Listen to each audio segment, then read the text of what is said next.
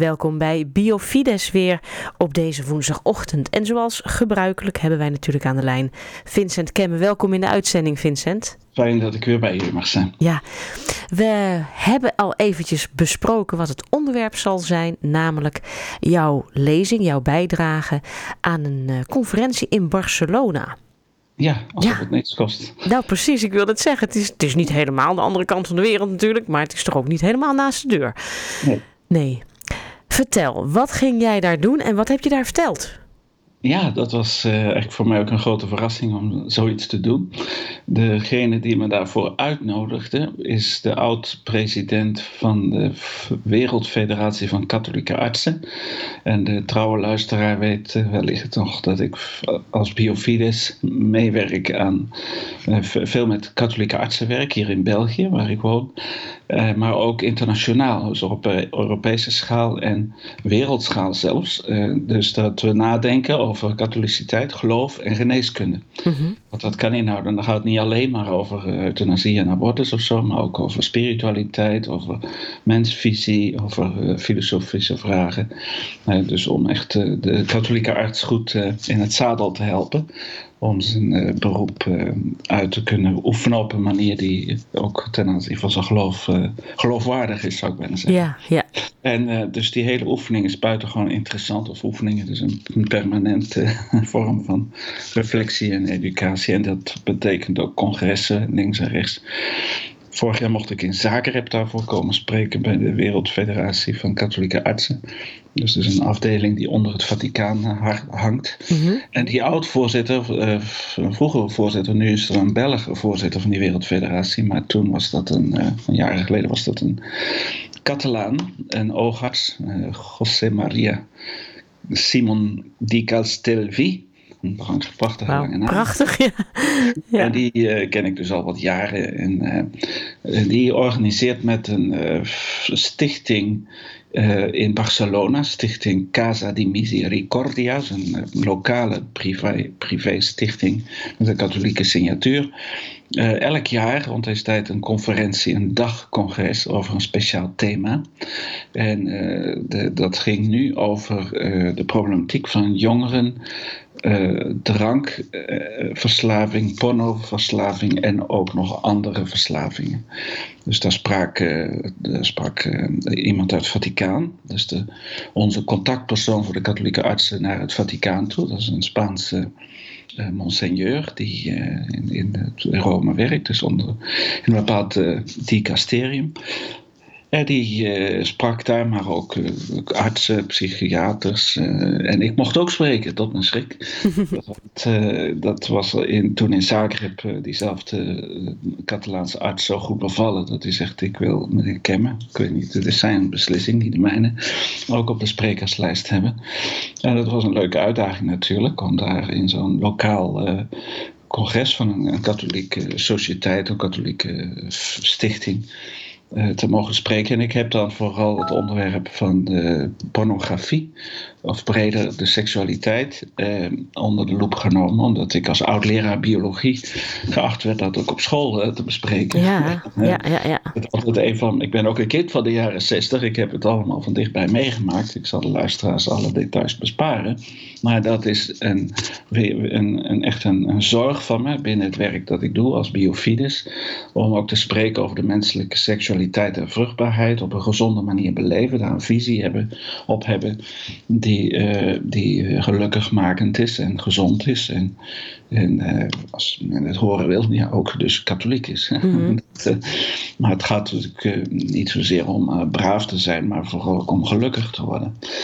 en dat is wat je dus wil. Nu, dat onderwerp pornografie had ik nog nooit eigenlijk besproken, maar ik heb er wat natuurlijk in gestudeerd, wat de problemen zijn en wat en ik ben natuurlijk, ik ken de wereld waarin wij leven.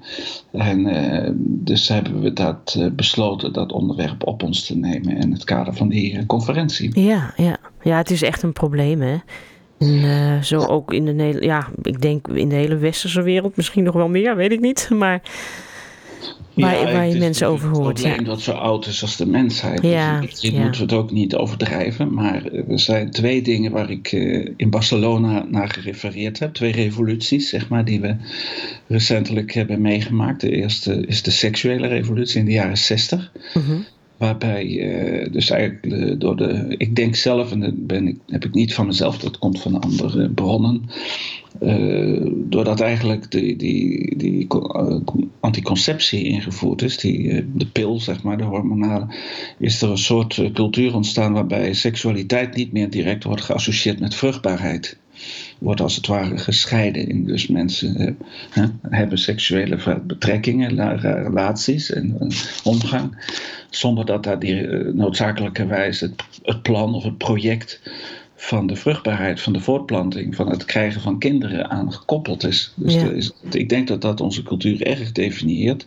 Die twee werelden van de, de, de, een, hè, de eenwording van man en vrouw aan de ene kant en de, de, de natuurlijke vruchtbaarheid aan de andere kant zijn echt twee uh, apart te behandelen onderwerpen geworden. Dus je ziet dan ook veel gezinnen, waar, echtparen, waar, koppels zeggen we hier in Vlaanderen, mm al dan niet getrouwd, uh, die dan gewoon uh, met elkaar omgaan. En dan vervolgens uh, op een gegeven moment mag er dan een keer een kindje komen. Terwijl het eigenlijk omgekeerd zou moeten zijn. Je zou moeten begrijpen dat je als man en vrouw geschapen bent voor, het, voor de liefde die levengevend is, levengevende liefde. En dat je natuurlijk als er ernstige redenen zijn van gezondheid of sociaal-economische situaties die het niet toestaan en het onverantwoord maken om nieuw leven te verwekken dan, dat zegt ook de kerk, en dan kun je natuurlijk je onthouden. En uh, daar zijn ook een hele betrouwbare methoden voor. Dus dat, mhm. die, dat hele onderwerp is heel veel. Dat is de eerste revolutie. De seksuele revolutie heeft alles een beetje op zijn kop gezet. En men, heeft, men weet zelfs niet meer of, dat wel, of je daarvoor moet trouwen. Dat is ja, niet meer. Ja. Men heeft niet meer door dat dat misschien toch echt uh, met een partner van het andere geslacht zou moeten zijn. En men gaat nu zelfs twijfelen aan het eigen geslacht. Hè? Dus ja. Ja. Dus die hele seksualiteitsbeleving die ligt een beetje in de war, wat mij betreft, eh, bij de, in onze cultuur. En dat betekent dus ook dat zoiets als pornografie, uh, ja, dat is een doel op zich. Dat is niet. Uh, nee. Vroeger zeiden de katholieken dat je daar doof van werd, zegt men dan. Hè? Maar, ja. dat, dat, is natuurlijk inderdaad, als dat gezegd is, is dat natuurlijk onzin. Maar ik denk dat er wel wat zinnigers over gezegd is geweest, ook in het verleden.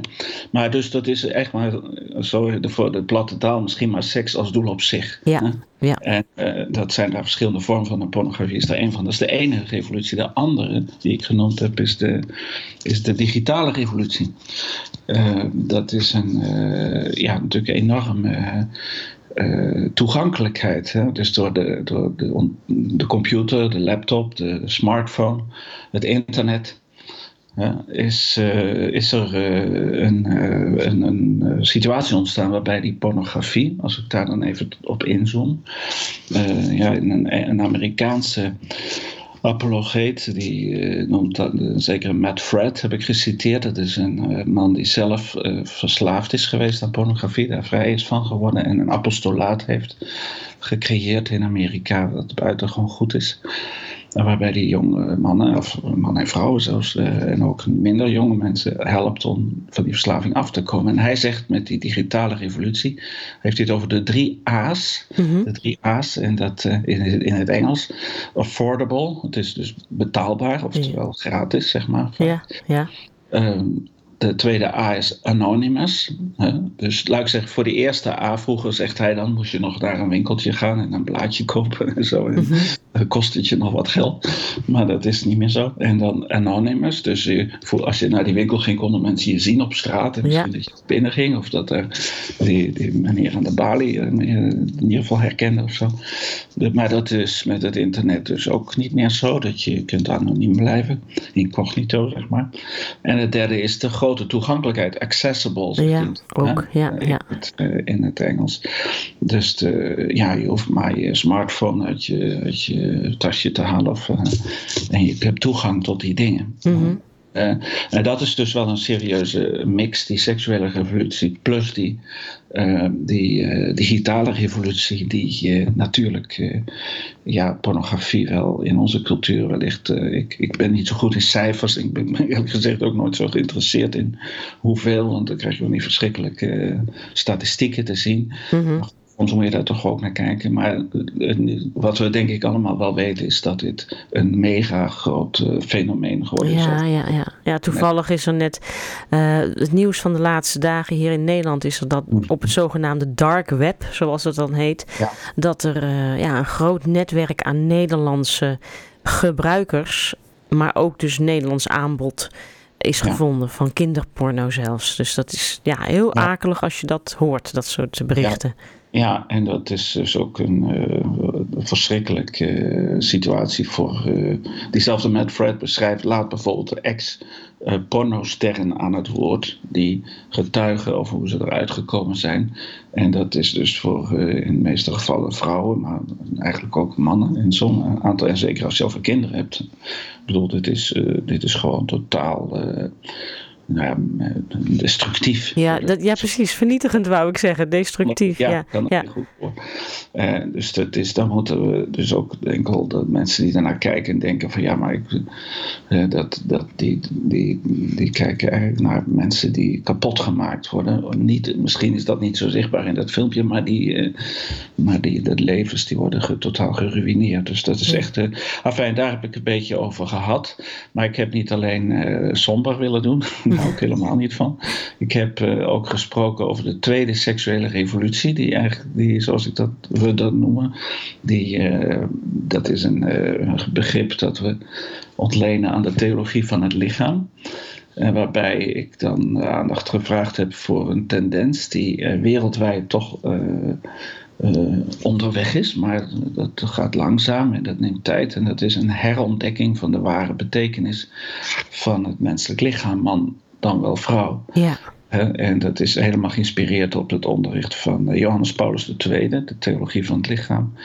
Ik uh, kan het mensen niet hard genoeg aanbevelen om daar zich in te verdiepen. Uh, er is binnenkort ook een congres in Rolduc, eind ja, juni. Klopt. Laatste weekend van juni, waar ik ook zal zijn, maar niet om te spreken, Ja. een keer om te luisteren. Ja, ja, internationaal congres waar eh, eigenlijk iedereen eh, van harte voor uitgenodigd is. Dat klopt, ja. Dus, eh, het geslechtste wat wij kunnen doen, denk ik, als gelovigen, is ach en wee roepen en dan vervolgens zwijgen. Mhm. Eh, dus wij moeten, kunnen ons natuurlijk eh, gechoqueerd zijn over dingen. En ook, maar we kunnen ook ze nadenken over uitwegen en oplossingen. En ik heb in die conferentie een paar dingen genoemd waarin ik, eh, waar ik eh, mo- mogelijkheden zie. Bijvoorbeeld door, door Gods plan met het, man, het lichaam van man en vrouw te, herontdekken. Een goede mensvisie. hè, dat de mens is geen object, maar is een persoon. Eh, de taal van het lichaam, zegt Johannes Paulus II. Als je dus gewoon eh, onder de douche staat, ik wil verder niet in details treden, maar dan zie je je lichaam en dan, eh, en dan weet je dat dat spreekt een bepaalde taal, namelijk de gerichtheid op bijvoorbeeld het andere geslacht met oog op Mhm. de vruchtbaarheid. Dus de taal van het lichaam vind ik een hele sterke uitdrukking van Johannes Paulus II. Maar voor veel mensen is die stap naar God een volkomen onbekende, dus je moet er nog erachter komen en dat hoop ik echt dat ook God werkelijk bestaat en dat hij een plan heeft met het lichaam van man en vrouw. En dat kan, en dat is wel mijn ervaring als ik ook kijk met jongeren die ik zo tegenkom, de kennis van God en het ontwikkelen van een gebedsleven, een sacramenteel leven, naast de goede therapieën, goede vorming. Eh, ze geven echt oplossingen. Ja, ja voor dus, je bedoelt ook heel bijzonder nu voor pornoverslaving. Bijvoorbeeld pornoverslaving. Ja, ja, precies. Ja, ja, Er ja. bestaan dus een aantal eh, re- reparatieve zeg maar, benaderingen, zoals Sexaholics eh, is een bekende internationale die ook denk ik in Nederland wel bestaat. Dus waar het ook echt effectieve me- methoden zijn. Men moet hoopvol zijn, want er- men kan daar onderuit komen, maar men moet het willen, moet ook de hulp vinden. Eh, er ligt een taak voor de kerk, voor de scholen, voor de familie, gezinnen, voor, om goed over die onderwerpen te praten. En ik noem daarbij ook dus geestelijk leven aan de ene kant, maar ook aan de andere kant evangelisatie, goed nieuws verspreiden over het lichaam. Ja, ja, ja. Ik hoor, ja. Het is te mooi om, om zo eh, ordinair mee om te gaan. Ja. hè. Zeg Vincent, eh, we moeten al gaan afronden. Het is, uh, je bent uh, ontzettend enthousiast aan het vertellen en ik onderschrijf het helemaal. Als ik het goed vind, noem ik even de website biofides.eu, waar het verhaal terug te vinden is. Oh ja. En ook een videootje, als men graag mij ook een keer wil zien, van, het, uh, van, het, uh, van, van, de, lezing. tekst, maar ook de tekst en de verwijzingen naar goede programma's. Oh, prima. Ja, ja dan kunnen dus uh, het, de hele lezing eigenlijk in het Engels hè, wel volgen. Oh, maar ja, goed, ja. Nou, heel veel dank. Ja, fijn dat je dit even even hebt willen toelichten. En ja, ik, nogmaals, ik, ik, sta er ook helemaal achter. En dat internationale congres wat je noemde, daar uh, gaan we hier bij Radio Maria natuurlijk ook nog wat meer aandacht aan besteden. Maar bedankt voor nu in Biofides. En uh, over twee weekjes dan spreken we elkaar weer. Uitstekend. Ja, tot kijken hè. Dag. Dag. Ja, u heeft uh, geluisterd naar Biofides, waarin Vincent Kemme sprak over de eerste en de tweede seksuele revolutie eigenlijk. En ook nog de digitale revolutie. Allemaal bij elkaar. U kunt het ook naluisteren en kijken op biofides.eu. Dank u wel voor het luisteren en nog een heel fijne dag. Tot later. Dag.